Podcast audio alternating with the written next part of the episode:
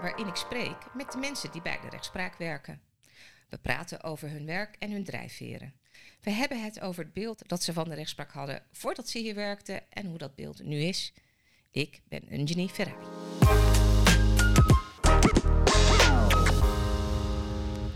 Ik ga jou introduceren. Ja, is goed. Je heet Lisa. Dat klopt. Ik heb eigenlijk eh één achternaam, Heikoop. Maar mijn meisjesnaam was al bekend bij de rechtspraak. Dus we hebben die er lekker ingelaten. Heikoop Drosten, zodat iedereen weet eh, met wie ze te maken hebben. Oké, oké. Ja, maar ik heb de naam van mijn vrouw overgenomen. Juist. Ja. En dat is Heikoop. Heikoop, ja. Weet je dat ik dat heel bijzonder vind? Dat, eh, want je bent eh, nou ja, dus met je vrouw getrouwd inderdaad. Ja, En eh, ik heb er echt een punt van gemaakt, eh, nog met mijn man, van, eh, eh, van hè, dat de kinderen, dat we nog van, nou, wiens naam dan? Ja. En eh, eh, ik had al van tevoren als kind bedacht, ik hou altijd mijn eigen naam. En dan Ja. hoor ik eh, dat jij de naam van je vrouw hebt overgenomen. Kan je daar iets over toelichten? Ja ik, ik heb daar helemaal geen moeite mee eigenlijk. Ik eh, vind het een mooie naam. Ik vind hem ook makkelijker uit te spreken dan mijn eigen naam. Dat gaat nog wel eens fout. Ehm, en eh, ja, we wonen in Zoetermeer. Eh, daar is zij opgegroeid, en geboren en daar woont haar familie. Dus wij dachten van... Ja, en zij heeft natuurlijk ons kindje gedragen. Dus ik dacht- dacht, als je die moeite doet, dan verdien je ook dat we samen jouw achternaam dragen en de kleine ook. Dus vandaar. Juist. Ja, Nou, kan ik me ook wel heel veel bij voorstellen hoor. Want ik heb gemerkt, ik heb samen met mijn man twee kinderen. En het blijft een beetje onhandig dat ik elke keer moet vertellen... een Verrij, moeder van... en dan Ja. komt de naam van Ja, een van dat- mijn kinderen... om verwarring te voorkomen. ja, de eenheid is wel makkelijk, vooral in onze situatie ook. Ja, Dat we Ja. allemaal dezelfde achternaam ja hebben. daar kan ik Ja. me wel iets bij voorstellen. Ja. Ja. Ja, En eh, nou, je vertelt net al, je bent moeder geworden. Ja, klopt. Jullie zijn moeders geworden. Ja, klopt. Van harte nogmaals. Dankjewel. Van een mooie dochter. Ja, Mout, mee, Heikoop. En die mag nu eh, in het warme nest van de familie Heikoop eh, in Ja. Zoetermeer opgroeien. Een eh, vrouwenhuishouden, genieten. Drie dames op pad, het is heerlijk, het is echt genieten. Wat leuk. Ja, het is echt geweldig. Nou, dan hebben we eigenlijk al een heel stuk van je Ja. persoonlijke Ja. achtergrond aan de orde gehad. Mhm. En dat is ook belangrijk, hè, want we willen de mensen ook leren kennen die werkt bij de rechtspraak. En je werkt dus bij, de, bij, de, bij een gerecht. Ja, dat klopt. Ik eh, werk bij de rechtbank Den Haag. Ehm, mijn functienaam is juridisch medewerker. En ik werk eh, in het strafrecht, team 3. Oké, Ja. klinkt eh, als veel bij elkaar. Ja. dat is het eerste wat in mij opkomt. Eh, als ik nou niet bij de rechtspraak zou werken, dan zou ik denken: jeetje, wat betekent dat allemaal? Juridisch medewerker en dan ook nog strafrecht. Wat doe je dan, eh, Lisa? Wat, eh, wat, hoe ziet een gemiddelde werkdag voor jou eruit? Eh, Een gemiddelde werkdag is wel afhankelijk van hoeveel zittingen je hebt ehm, voor te bereiden en uit te werken. Maar mijn gemiddelde, werkdag begint meestal met het voorbereiden van zittingen die ik die week erop heb. Want die moet je van tevoren, ruim van tevoren af hebben. Ehm, en eh, het uitwerken van zittingen die je gedaan hebt. En eh, afhankelijk dus van hoeveel zittingen gehad heb, ik gehad heb, werk ik meerdere dagen aan de uitspraken van één zitting. Uh, maar als ik meerdere zittingen heb, dan um, knip ik mijn werkdag op. Dan ga ik 's ochtends met de ene zitting bezig en smiddags met de andere zitting. En wat is dat, een zitting? Wat, wat, wat, kan je dat opdelen in stukjes voor de mensen? Ja. Um, als je een politierechtenzitting hebt, dan, um, dan komt het voor dat je vaak tussen de 8 of 10, 12 zaken op een zitting hebt staan. En dat zijn dan 8 tot 10, 12 verdachten die voorkomen. Dat is een zitting. En wat hebben die dan bijvoorbeeld gedaan? Kan je een, een, een delict noemen waarvoor ze dan. Veel voorkomende feiten zijn toch wel diefstal, mishandeling, vernieling, bedreiging. Dat zijn echt politierechtenzaken. Een politierechter legt maximaal één jaar gevangenisstraf op. Dus de zwaardere feiten die op het nieuws komen, daar, uh, daar denk je niet aan bij een uh, politierechterzitting. Oké. Okay. En dan uh, ben jij als juridisch medewerker erbij betrokken. Jij bent niet de rechter. Nee, klopt. Wat doe jij dan in verband met die zitting? Wat is jouw voorbereiding? Ik, uh, als juridisch medewerker krijg je een dossier nog in handen voordat de rechter hem uh, ziet. Dus je bent de allereerste die iets voor je neus krijgt. En dat vind ik ook heel interessant aan het, uh, aan het vak. En wat zit er in zo'n dossier? Um, nou, in bijvoorbeeld een um, gemiddeld politierechtendossier uh, zit een procesdossier van de verdachte. Uh, dan zit bijvoorbeeld een aangifte in, uh, bevindingen van de verbalisanten, um, getuigenverhoren. Ehm, Wat zijn verbalisanten? Verbalisanten zijn politieagenten. Getuigen, die heb je vaak bijvoorbeeld bij een mishandeling. Dan zijn er vaak mensen op straat die dingen zien. Dan heb je getuigenverhoor in het dossier zitten. De verdachte die wordt verhoord, dat zit in het procesdossier. bij politiezittingen heb je ook vaak een, een slachtoffer. En die kan een vordering indienen tot schadevergoeding. Ja. En dat zijn dan allemaal verslagen van wat die mensen gezegd hebben. Ja, dat klopt. Ja. Uh, in een procesdossier zitten voornamelijk verslagen en verhoren worden letterlijk uitgetypt. Oké. En daar kun je dingen uit, passages uithalen die van belang zijn. Dus heel veel op schrift, maar hele belangrijke informatie. Ja. Die krijg jij als eerste, als juridisch medewerker. Te zien, ja. Krijg jij als eerste te zien. Je bent niet de rechter wat wordt er van jou dan verwacht dat jij met die informatie doet? Wat jij uh, met die informatie doet, is jij zorgt dat de rechter uh, nou ja, een niet warrig dossier voor ogen krijgt. Uh, dat hij een overzicht heeft van wat, is, wat is er gebeurd, wat wordt de verdachte verweten. Dus wat staat er in de tenlastelegging. En op basis van die tenlastelegging ga jij uitpluizen in het procesdossier welke dingen van belang zijn voor de rechter om later zijn oordeel te kunnen geven. En ook kijken of er nog stukken missen die de rechter eventueel nog kan op zitting vragen aan een verdachte bijvoorbeeld. Juist. Ja. Dus als ik het uh, goed begrijp, dan ben jij eigenlijk de belangrijke rechterhand ja, ja, om de ja. rechter te ondersteunen, om die zaak goed te kunnen behandelen. Ja. Oké, nou, interessant werk, lijkt mij. Heel interessant werk. Heel leuk ook, want geen enkele zaak is hetzelfde. En had jij een beeld van waar, hoe jouw werk eruit zou zien voordat je echt werkte bij de rechtbank Den Haag? Ik had wel een bepaald beeld, maar ehm, ik dacht altijd wel dat het, zeg maar, op, op, ik heb eerst HBO-rechten gestudeerd en toen ben ik uh, naar de universiteit gegaan. En op HBO-rechten krijg je wel veel meer te zien van wat je kan met je diploma dadelijk. Daar heb, heb ik op de universiteit minder van gezien. En, en na, nadat ik HBO-recht had gestudeerd, wist ik wel veel van het vak juridisch medewerken, maar ik dacht wel dat de nadruk meer lag op het meetypen tijdens een zitting. Want dat doe je ook. Natuurlijk, dat is ook erg belangrijk. Dat is wat we het, het uh, griffiewerk van de zitting ja, noemen. Hè? klopt. Het wordt ook wel eens griffier genoemd, de, de, de, functie. Ik heb me wel verkeken in hoezeer je betrokken bent bij een zaak. Inhoudelijk ook al voordat je op zitting komt. En dat maakt het juist heel leuk. Nog leuker dan ik al dacht. Je zegt verkeken, maar het is positief wat je bedoelt, hè? In positieve zin, ja, ja zeker.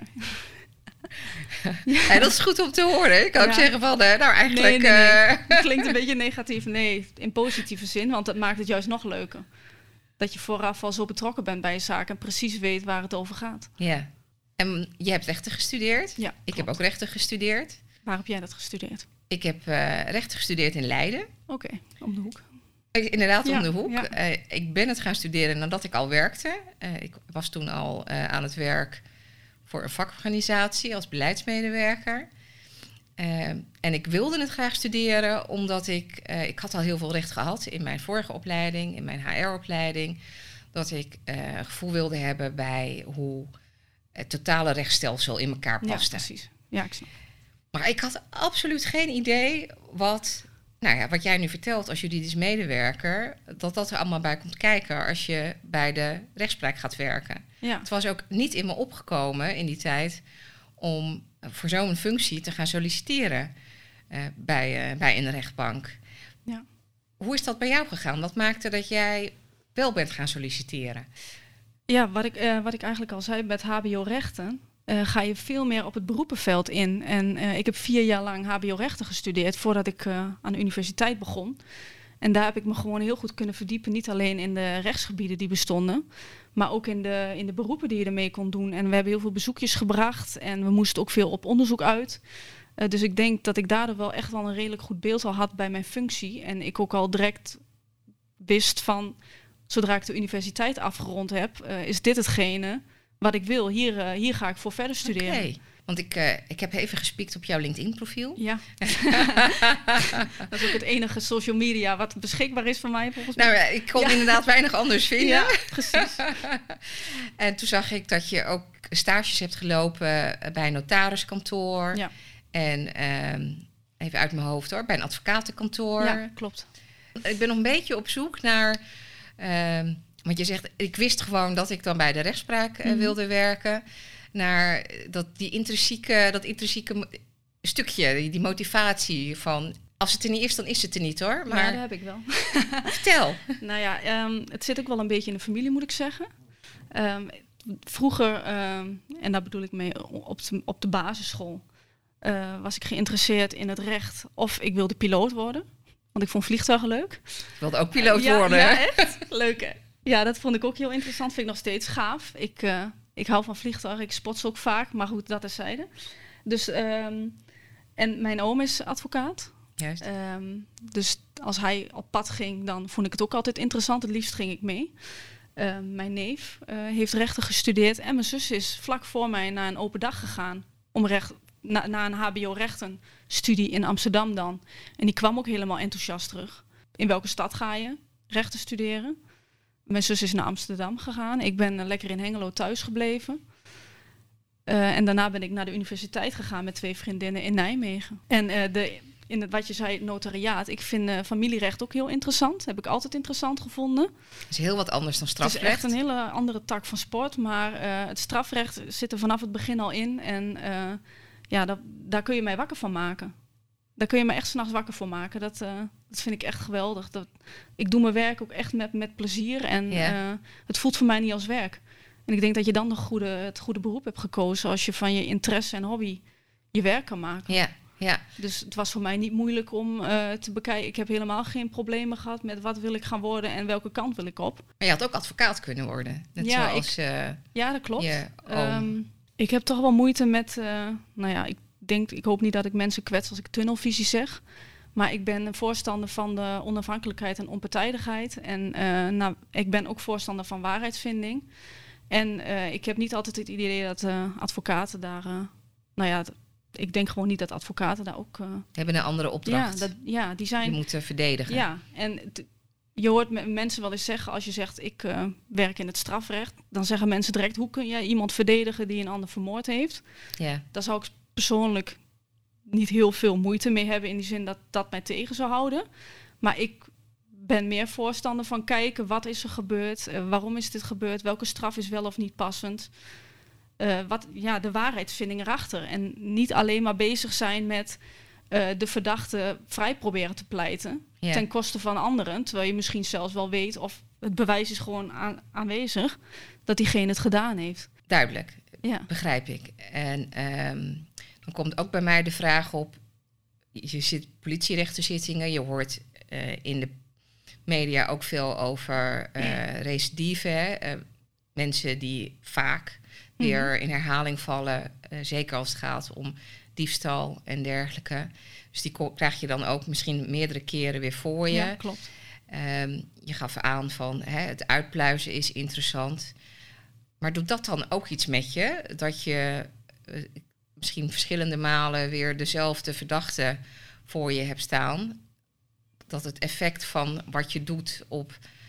Het idee is ook eh, van straffen dat het een afschrik, afschrikkende Ja, werking heeft. doelen hè? natuurlijk. Ja, je hebt meerdere doelen. Eh, je hebt vergelding, maar je hebt ook preventie. Dat is Ja. het voorkomen van strafbare feiten. Of bij de verdachte zelf, of bij mensen om de verdachte heen, bij de maatschappij.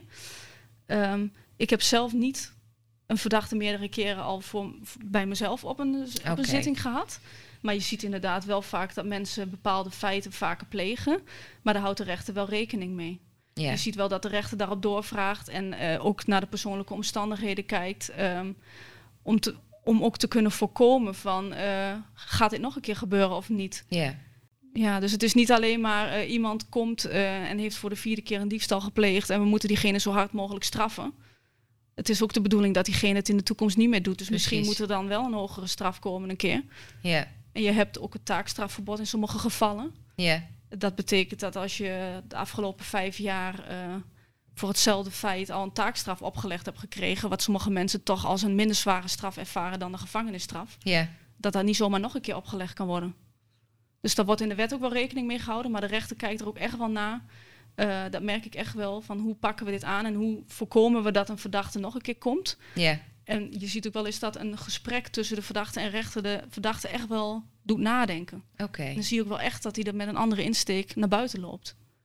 Dus wellicht heeft het dan, uh, wellicht zie ik ze daarom niet meer terug, omdat het effect heeft. Ja, want dat is ook een van de dingen die je belangrijk vindt. Dat ehm, je op die manier een bijdrage hebt aan een uh, maatschappij waarin minder misdaad voorkomt. Ja, dat vind ik, ik vind preventie een heel belangrijk uh, doel. Ja, zeker. Vergelding is ook belangrijk. Iemand moet boeten voor wat hij gedaan heeft. Dat, dat vindt de maatschappij vaak ook wel prettig om te zien. Maar het is ook heel erg belangrijk dat het niet nog een keer gebeurt. Ja. Dat vind ik belangrijker dan iemand keihard straffen.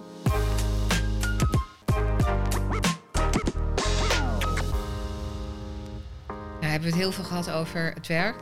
Ja. Uh, daarvoor zitten we hier ook voor een deel. Maar we willen ook graag weten hoe het is om te werken binnen de rechtspraak als mens. Ja. Ik heb een superleuk team. Ik ben wel uh, ongeveer anderhalf week voor de coronacrisis begonnen. Uh, dus ik heb nog net geluk gehad dat ik iedereen uh, de hand mocht schudden en ook iedereen persoonlijk gezien heb. Ach je, dan heb je echt mazzel. Ja. ja, daar heb ik wel heel veel geluk mee gehad. En ik heb ook direct ben ik op pad geweest in de, in, in de pauzes met mijn collega's. Hebben we gekletst, hebben we geluncht. Dus ik heb wel heel veel mensen bij wie ik terecht kan. En heel veel leuke collega's die ook geïnteresseerd in je zijn. Ja. Uh, ik heb dagelijks met een hele groep collega's contact. We helpen elkaar altijd. HJO's, dat zijn de hoofdjuridische ondersteuners. Ja. Per team heb je er één. Uh, die zijn ook heel betrokken. Dus we zijn één team samen. En uh, je hebt twee strafrechtteams, team 1 en 3.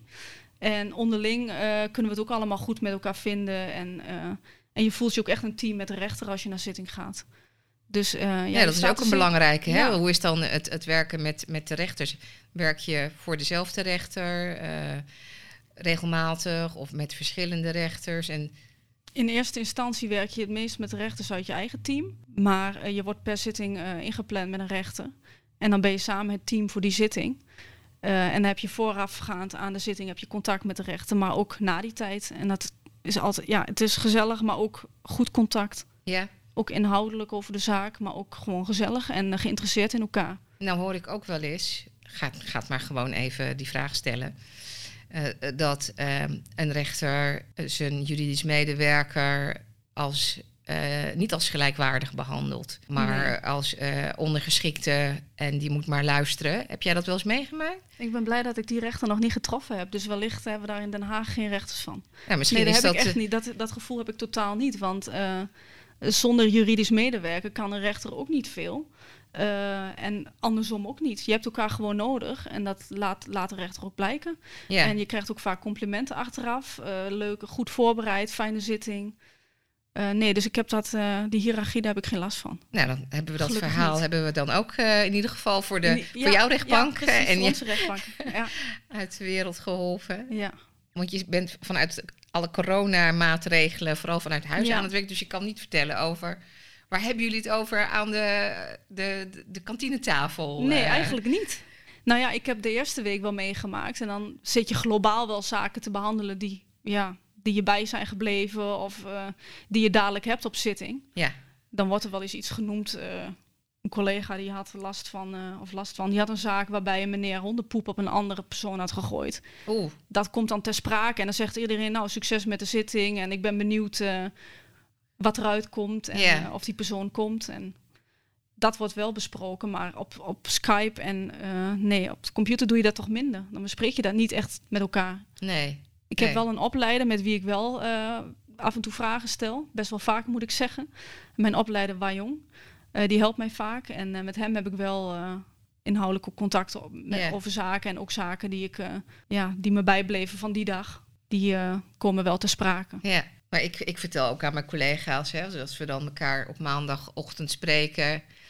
Van wat heb je in het weekend gedaan? Ja, nee, dat doen wij ook. Dat doen jullie ja, ook? dat doe ik met een bepaalde club collega's, doen we dat zeker. Ja, ja. het klinkt als een warm bad. Ja, zeker. Ook ondanks corona dus ik ben uh, benieuwd en ik kan ook niet wachten totdat we weer een beetje wat meer naar het kantoor kunnen. En elkaar ook wat vaker zien. Dat kan ik me voorstellen. Ja. ja. Zeker als je net begonnen bent en ja. dan heb je je collega's nog, nou ja, nog net gezien, maar ja. daarna niet meer. Ja, dat klopt. Af en toe kom je elkaar wel tegen hoor. Als je zitting hebt, dan kom je wel. Dat is waar. Jullie hebben fysiek natuurlijk ook nog een deel van de zittingen. Ja, klopt. Als wij zitting hebben, dan uh, lopen we rond op de rechtbank. En dan zie je echt wel veel, uh, veel collega's nog. En dan maak je even een praatje met elkaar. Dus het is niet zo erg als het klinkt als het lijkt. Maar het kan uh, beter. Hey, eh, volgens mij hebben we al heel veel besproken. Is er nog iets waarvan je zegt, nou, en dat vind ik nou leuk om aan de mensen die luisteren te laten weten? Um, nou ja, allereerst, uh, als je een beroep gaat kiezen of een vak gaat kiezen, dan moet je voor, vooral beginnen met iets kiezen waar je hart in ligt en waar je gelukkig van wordt. Want je moet niet met tegenzin naar je werk gaan. Um, dus volg je hart allereerst. Um, zorg dat je in een fijn team zit met collega's uh, waar je terecht kan. En ben niet bang om vragen te stellen. Bij de rechtspraak zit je dan goed. Het vak griffier of juridisch medewerker is veel ruimer dan veel mensen denken. Ik dacht ook altijd dat, uh, dat er voornamelijk een team van wat oudere mannen, moet ik eerlijk zeggen, uh, werkzaam zou zijn. En dat het voornamelijk gericht was op meetypen tijdens een zitting. Maar je bent echt van het begin tot het eind betrokken bij een zaak. En dat maakt het echt onwijs interessant. We hebben trouwens meer vrouwen dan ja, vrouwelijke de mannelijke precies, rechters. Ja, hè? Klopt, ja. ja. Ook in het team hebben we ook uh, juridisch medewerkers. Is, nou, ik denk 80 of bijna wel 90 procent vrouwen. Ja. Dat is erg gezellig. Um, en je bent ook na een zitting heel erg betrokken bij een zaak. Want uh, ja, je rondt de zitting af of je schrijft beslissingen. Of... Dus het is gewoon een ontzettend leuk vak. Uh, en ga op zoek, bijvoorbeeld ook op LinkedIn, op zoek naar mensen die werkzaam zijn als juridisch medewerker. En ben niet bang om die personen aan te spreken en om vragen te stellen. En we zoeken veel nieuwe mensen, hè? Ja, klopt. En we nodigen ook in het bijzonder mensen uit met een diverse achtergrond, biculturele achtergrond. Ja. Ook mensen met een uh, afstand tot de arbeidsmarkt. Ik wil er toch ook nog even naar wat persoonlijke elementen daarvan. Ja. Uh, voor ons beiden. Ik ben in Suriname geboren. Wel echt opgegroeid in Nederland. Uh, nou, Almelo. Bekend, bekend terrein. ja, jij kwam uh, niet direct uit Almelo, Almelo, je familie wel. Nou, mijn vader is in Almelo geboren, maar ik uh, ben in Hengelo geboren. Jij bent in, ja, juist. Ligt, 15 nou, kilometer van elkaar vandaan. Om de hoek? Om de hoek, ja. ja. En ik weet niet zeker, maar ik zie... Ja, mijn oma komt uit Indonesië. Toch, hè? Ja, ik maar, wou net zeggen, ik zie ja. iets Indisch in je. Ja, je ziet het er wel in terug, ja. Maar uh, aan mijn accent te horen uh, ben ik hier ook opgegroeid en geboren. Dus, uh, ja, zeker. In Twente. ja. Maar mer merk je dat mensen dat ook in jou herkennen, dat je Indisch bloed hebt? Of helemaal niet? Nee, ik denk dat het Twentse element toch eerder naar boven komt. Want zodra ik begin te praten, dan kan ik er niet omheen. Want uh, Ja, waar ik ook ben, iedereen zegt, waar kom jij vandaan? ja. Maar kom je weg, horen ze te zeggen ja, dan eigenlijk wel. Ja, in het Twents wel, ja. En uh, zelfs tegen mijn vrouw. En die is hier gewoon geboren en getogen in de Zoetermeer. En die uh, Ja. begint mijn accent over te nemen, terwijl het andersom had gemoeten. Ja, wat Dus, gekund. Dat was denk ik beter geweest. Maar ja, je ziet het er wel aan af, aan mij, dat ik getint ben. Maar Ja. Dat accent komt meer naar voren. Heb je daar iets van gemerkt toen je ging solliciteren? Eh, Nee, helemaal je- niet. Laten we het dan hebben over je accent. Want ik Ja. hoor, hè, als het gaat over vooroordelen, dat als je een, een, een dialect spreekt of een accent hebt van een bepaald dialect, dat, je, eh, dat mensen soms moeite hebben om je voor vol aan te zien. Heb, Ja. je, heb jij daar wel eens. Ik heb daar helemaal, ge- vooral bij de rest, nee, bij, tijdens mijn sollicitatie is het helemaal niet te sprake gekomen. Heb ik helemaal niks van opgevangen. Nee, ik heb een, ik heb een hele fijne sollicitatie ook gehad. En ehm, waarin juist werd teruggekoppeld dat ik zo onwijs eh, enthousiast was. En dat ik de meest enthousiaste van die dag was. Dus dat was juist hetgene van, daarom, vonden we, daarom is die sollicitatie ons bijgebleven. Je gaat er helemaal voor, je vindt het geweldig, je bent jezelf. ja, En dat is, eh, dat is het belangrijkste geweest. ja. Nou, dat is heel positief. Ja. Ja, ik heb, daar, ik heb nog geen eh, negatieve discriminatie ervaren. Nee. En mijn accent, daar heb ik zelf denk ik meer moeite mee dan de mensen om me heen. Want ik kom er wel eens eh, bij collega's op terug, ook op zitting wel eens. En dan zegt iedereen van, nou, dat is juist een hartstikke leuk accent om te horen. Dat, Nou, dat, ik ben, ik echt heel blij eh, om Ja. dat te horen hoor. Echt waar. Want En- ik hoor ook jullie? andere dingen. Ik heb, en dan heeft dat meer te maken met mijn persoonlijkheid, meegemaakt dat, eh, het, het- het- dat door mijn leidinggevende tegen mij gezegd werd op een andere functie hoor, niet hier. Eh, ja, je moet wel een beetje eh, opletten hoe je dingen brengt. Want je bent nu te dwingend naar andere mensen. En ehm, ze gebruikte daar een heel negatief woord voor. Ik kan er niet eens mee opkomen, maar ik weet dat ik helemaal van mijn stuk was. En dacht van, wat, wat zegt ze nou? Wat bedoelt ze nou? En Ja. toen ben ik bij mezelf gaan nadenken. En toen dacht ik, nou ja, ik kan me voorstellen dat ik heftig overkom als ik een punt probeer te maken. Maar er was een mannelijke collega in mijn team Ja. die dat misschien nog wel erger deed dan ik dat eh, doe. En ik weet dat hij daar niet op aangesproken is. Oh, dat is wel apart, ja. Dus dat is wel apart. En, eh, dus dat gaat niet over mijn kleur. Het gaat over mijn vrouw zijn, eigenlijk. dat ik als vrouw niet geacht word op die manier tegen mijn Oké. collega's te praten. Och jeetje. Dus dat is een heel ander vooroordeel. Ja. Ja, ja, Nee, daar heb ik ook nog nooit... eh, nee. Nee, daar hebben we geen last van. En je, eh, je, je bent ehm, eh, nou, met, met je vrouw getrouwd. Ja. En jullie hebben een kindje. En je vertelde dat je heel veel positieve reacties hebt gehad. Eh, ja, alleen maar. Allemaal cadeautjes. Ook helemaal nooit Nee. dat je ergens het idee hebt dat iemand ook niet. Ik heb nog nooit... Ik wil het eh, gewoon horen. nee, Vertel nou dat ze nog- dat niet accepteren. Nee, eigenlijk niet. Ik heb, echt, ik heb daar nooit problemen mee gehad. Nee, eigenlijk niet. Iedereen is heel... Ik heb wel... Oudere mensen hebben soms wel moeite om het in een hokje te plaatsen. Ja, En die vragen direct van wie is ze? Van, van wie van jullie twee? ja, En dan zeg ik van ons allebei. En dan zeggen ze vaak, oh ja, dat kan ook nog. ja. Dus eh, dat heel vaak in het park heb ik dat. Dat oudere mensen echt even niet snappen van... Huh? Maar ik heb nooit... eh, Ik ben nog nooit raar na- nagekeken of... Nee, eigenlijk niet. Dat vind ik echt heel fijn. Ja, dat vind ik ook. Maar ik denk ook wel dat het gewoon 2021 is of zo. Ja, Denk ik. dat zou kunnen. Ik, ben heb, ook nooit ik heb zelf wel meegemaakt dat iemand eh, over mijn kind vroeg: is die van jou? Oh, ik, echt? heb, ik ben met een Nederlandse man eh, Oh, en wij ja. hebben dus kinderen die Ja, heel, heel typisch, blank hè? van kleur zijn. Ja. En dat was ook een oudere man. En het, het zal ook wel oprechte verbazing zijn geweest. Maar ik dacht wel, huh? ja, dat is echt... Die hebben ook geen blad voor de mond, hè? Nee, Nee, die vragen Precies. dat ook gewoon inderdaad. Ja. Als wij met z'n tweeën lopen. van, Ja, van wie is ze? ja, Ja, van ons allebei. ja. En soms denk ik, nou ja, ik loop nu gewoon door. Want ik ga jou niet uitleggen hoe dit komt. maar eh, dat kan dus ook nog, want het is 2021. Ja, En dat, ga, en dat zie je ook vaker. En bijna iedereen kent wel iemand eh, om zich heen die eh, met een vrouw is, of een man met een man, of eh regenbooggezinnen wordt het ook wel genoemd. ja, Dus ik denk dat het ook als je het eenmaal een keer gehoord of gezien hebt, dat je dan minder snel zo'n vraag stelt. ja, Omdat het ook gewoon kan nu in 2021 en het Zeker. alleen maar leuk is. zeker. Ja, en voor mensen die erover nadenken hè, om een vak te komen doen bij de rechtspraak. We hebben veel meer dan alleen de juridische functies. Ja, precies. En die denken van, maar ze zijn daar nog een beetje ouderwets. Nee, totaal niet. Kunnen we dat ook gewoon zeggen, hè? Ja, dat het dat- niet zo is. Dat is echt een misverstand. Dat is echt niet waar. Iedereen is juist eh, misschien nog wel extra enthousiast. Ze Ja. vinden het helemaal geweldig en eh, je wordt niet anders behandeld. Het is alleen maar leuk en interesse en je merkt helemaal geen verschil. Nou, dat vind ik een hele mooie afsluiting Ja, van dit ontzettend leuke en gezellige gesprek. ik vond het een leuk gesprek. Dankjewel. Leuk Dankjewel, elkaar Lisa. gezien te hebben. Heel leuk dat je hier aan mee Ja, wilde graag werken.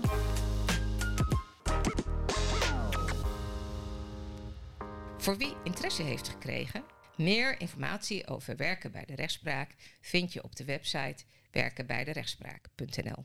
Want de rechtspraak werkt voor iedereen.